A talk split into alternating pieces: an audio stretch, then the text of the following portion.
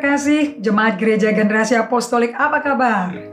Saya percaya semua kalian bisa memenuhi makanan rohani setiap harinya supaya jiwa Anda tidak jauh dari Tuhan. Saya bersekutu dengan Tuhan, baca buku, pagi hari bangun jam 4 pagi.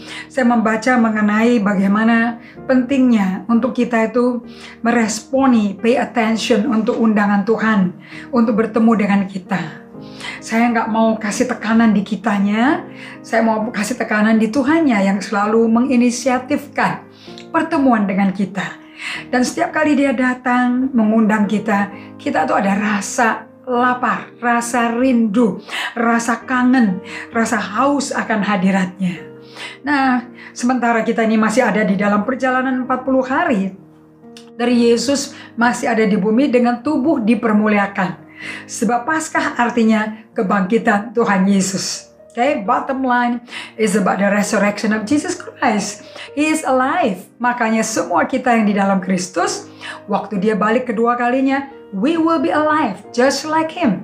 Bagaimana dia, kita yang memandang dia, begitulah kita diubahkan.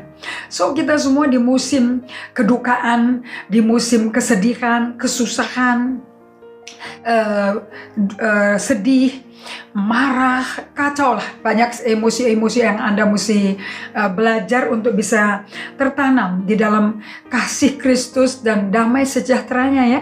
Sebab kita baca di Yohanes 20 ayat 11 sampai 23 atau hari ini saya akan pakai Lukas 24 ayat 13 sampai ayat 43 45 di mana Yesus itu sabar sama kita, sabar dengan murid-muridnya. Yang bikin saya kagum dan bikin saya penuh pengharapan. Ya. Semua murid-muridnya itu mantan daripada uh, uh, pengikut Yesus uh, di, di, di fase awal. Kenapa kok saya bilang mantan? Sebab kan tiga setengah tahun pertama mereka jalan sama Yesus. Kemudian waktu Yesus mulai difitnah oleh uh, muridnya sendiri yang dia kasihi yang ada juga di ruang atas di Yerusalem di Yohanes 13 waktu Yesus lepaskan jubahnya dia ikatkan kain lena untuk dia cuci dan basuh setiap kaki para muridnya yang Yahudi asli. Yahudi kental yang tidak bisa seorang Yesus kok jadi pencuci kaki berarti kok menyamakan dirinya kayak budak. Dan Yesus berkata, Aku datang dari kerajaan surga. Di kerajaanku, saya kutip langsung ya dari Matius 20 sama Yohanes 13. Di kerajaanku itu di Matius 20 ayat 26, 28 sampai 28 tidak ada orang memimpin dengan tangan besi, dengan maksa orang. Tidak seperti itu kita. Tapi barang siapa mau terkemuka, mesti jadi pelayan semuanya. Barang siapa yang mau jadi pemimpin, mesti jadi hamba. Jadi kalau Anda kepingin mimpin satu grup, coba Anda jadi hamba dulu bagi mereka. Anda melayani mereka lebih dulu. Oke, okay?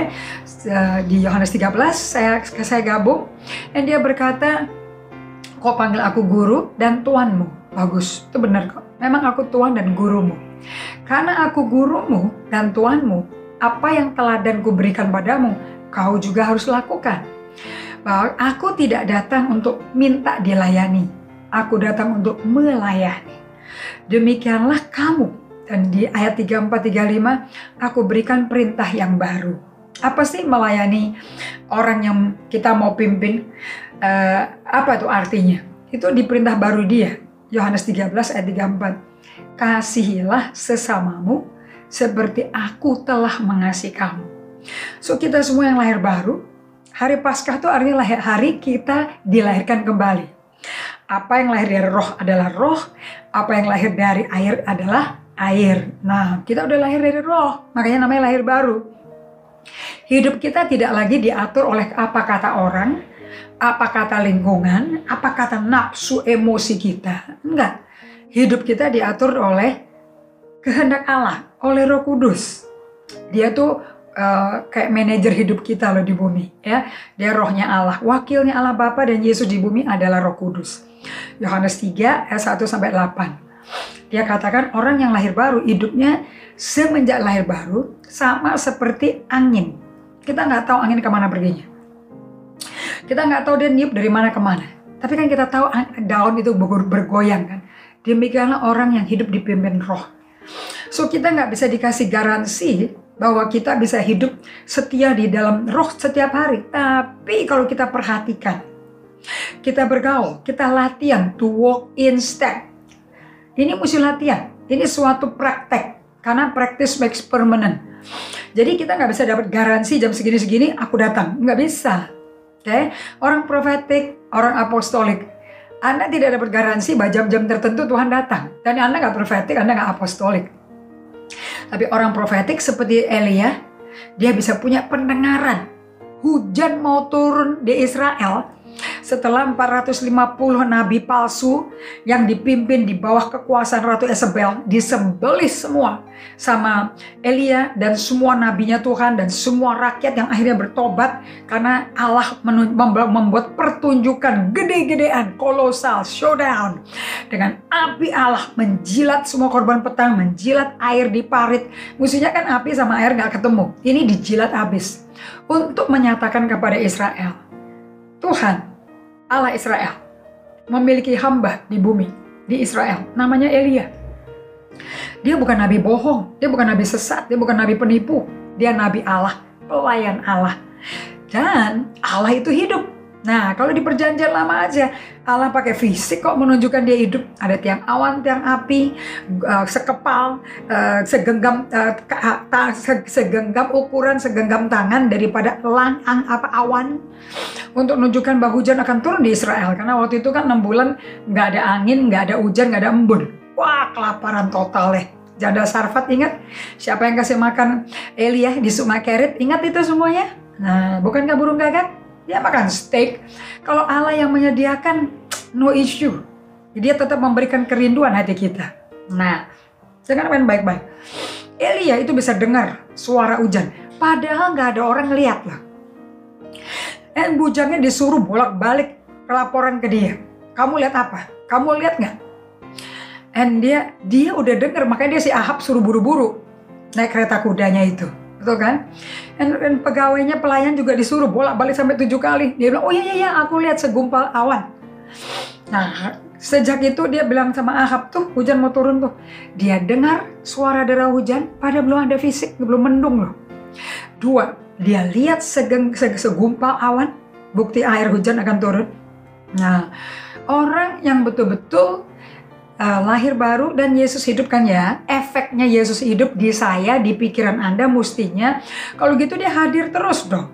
Kan dia dia hidup. Dan pakai tubuh dipermuliakan aja nembus tembok rumah yang digembok pintu pintunya kok karena 12 rasul pada ketakutan betul kan Yohanes 20 ayat 19 sampai 36 uh, kuburnya Yusuf Arimatea gua batu yang ditembus kok. Dia jebol keluar. Malaikat Tuhan tidak membuka pintunya kuburan untuk nolong Yesus keluar loh. Sudah keluar, udah bangkit dia. Itu dibuka untuk para wanita yang pagi-pagi subuh masih gelap bawa rempah-rempah, bakmur untuk mengapani, untuk mengawetkan tubuh jenazahnya Yesus. Ternyata kosong kuburnya. Bahkan kain kapan ditaruh di tepi kepala, bagian kepalanya Yesus rapi digulungnya. In order everything. So dengan kebangkitan Yesus, implikasi di pikiran kita adalah Yesus hadir. Dia hidup. Artinya kehadirannya dapat kau miliki sekarang di jam ini juga. Di seluruh dunia, di seluruh planet bumi, pelosok mana pun juga, Yesus bisa hadir untuk Anda. Seperti dia menemukan Maria Magdalena di kuburan, seperti dia ketemui semua 12 para rasul, dia bisa temui Anda juga. So saya sebutkan hari ini firman Allah bagi kalian. The God yang menemui Anda. Tuhan yang menemui Anda. So, jangan Anda berpikir susah kalau doa ngantuk, nggak ada apa-apa. No. Saya mau bagikan kepada Anda praktek untuk bisa mengenal Tuhan day by day. Oke, okay? melalui buku ini. Dari emosi yang nggak sehat, sampai emosi yang sehat. Itu dapat dilakukan kalau Anda pasangkan buku ini dengan buku melakukan menemui Yesus dan bertung menanti Tuhan di hadapan Tuhan sesuai Mazmur 37 ayat 7. Tapi setiap hari tidak perlu minta mujizat keuangan, kesembuhan badan, nggak perlu. Just being with Him. Sebab kalau Allah beserta kamu, siapa yang bisa melawan kamu? Itu ayat akan dibuktikan di musim ini. Now, day by day itu saya ambil dari Kolose 3 ayat 10. Saya bacakan ya. Di Kolose 3 ayat 10 uh, dikatakan di sini bahwa bagus sekali deh. Saya senang sekali versi bahasa Indonesia-nya. Kali ini saya bangga. Ayat 10. Kenapa kok nama bukunya alat ini untuk membuat pengalaman di buku ini menjadi kenyataan? Oke, okay? day by day. Dari ayat Kolose 3 ayat 10 dan telah mengenakan manusia baru yang terus-menerus diperbaharui untuk memperoleh pengetahuan yang benar menurut gambar kaliknya. No. Paulus berkata melalui surat pada jemaat Kolose, manusia baru kita yang kita kita mesti kenakan, oke, okay? dengan cara melepaskan, mengenyahkan manusia lama kita, itu itu jati diri yang salah tuh.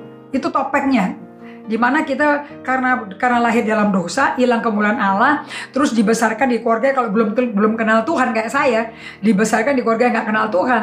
Waduh tekanan orang tua tuntutan orang tua besar. Jadi kita tuh anak-anak nggak menjadi jati diri kita sendiri. Kita jadi tunduk dan ketakutan orang tua mesti menjadi apa yang orang tua mau. Oke, okay? kalau orang tuanya dulu nggak kaya, nggak pendidikan tinggi, nggak ke universitas, kita dipaksa mesti ke universitas. Padahal kita nggak suka gitu loh. Mungkin sukanya uh, pekerjaan yang keterampilan uh, mungkin desain jahit baju kan nggak perlu ketinggi tinggi kuliahnya. Kayak tapi karena dipaksa. Namun kalau anda setelah lahir baru mau terus menerus mengenakan manusia baru untuk diubah menjadi mendapat pengetahuan yang benar menurut gambar kaliknya you do this every day minimal dua kali deh Pagi hari jam 4, jam setengah 5 pagi, Anda minta roh kudus bangunin Anda. Pasti kok Anda bangun. Dan, dan gak ngantuk. Enak malah. Baca buku ini dulu. Baca per paragraf atau per, per bab. Kelar, kita lakukan ini. Ini akan membuat Anda tambah hari tambah dekat sama Tuhan. Oke, okay? nanti Anda akan bisa mengalami uh, pengalaman dari bukunya Emotionally Healthy Spirituality Woman di sini kita belajar delapan hal yang kita mesti tinggalkan untuk merubah hidup kita. Apa sih yang mesti ditinggalin? Anda baca buku ini. Salah satunya, dengan Anda memiliki jati diri yang baru, yang benar, Anda akan tidak akan memakai topeng. Anda tidak akan bohongi dirimu. Contoh, Anda capek tapi orang tapi karena sungkan sama orang, gak enak sama orang. Oh enggak, enggak apa-apa, enggak apa-apa, enggak apa-apa, padahal capek banget loh. Nah, kalau Anda bisa bohongin diri Anda, anda kan bisa bohongin siapa-siapa aja. Dan Anda bukan dirimu sendiri.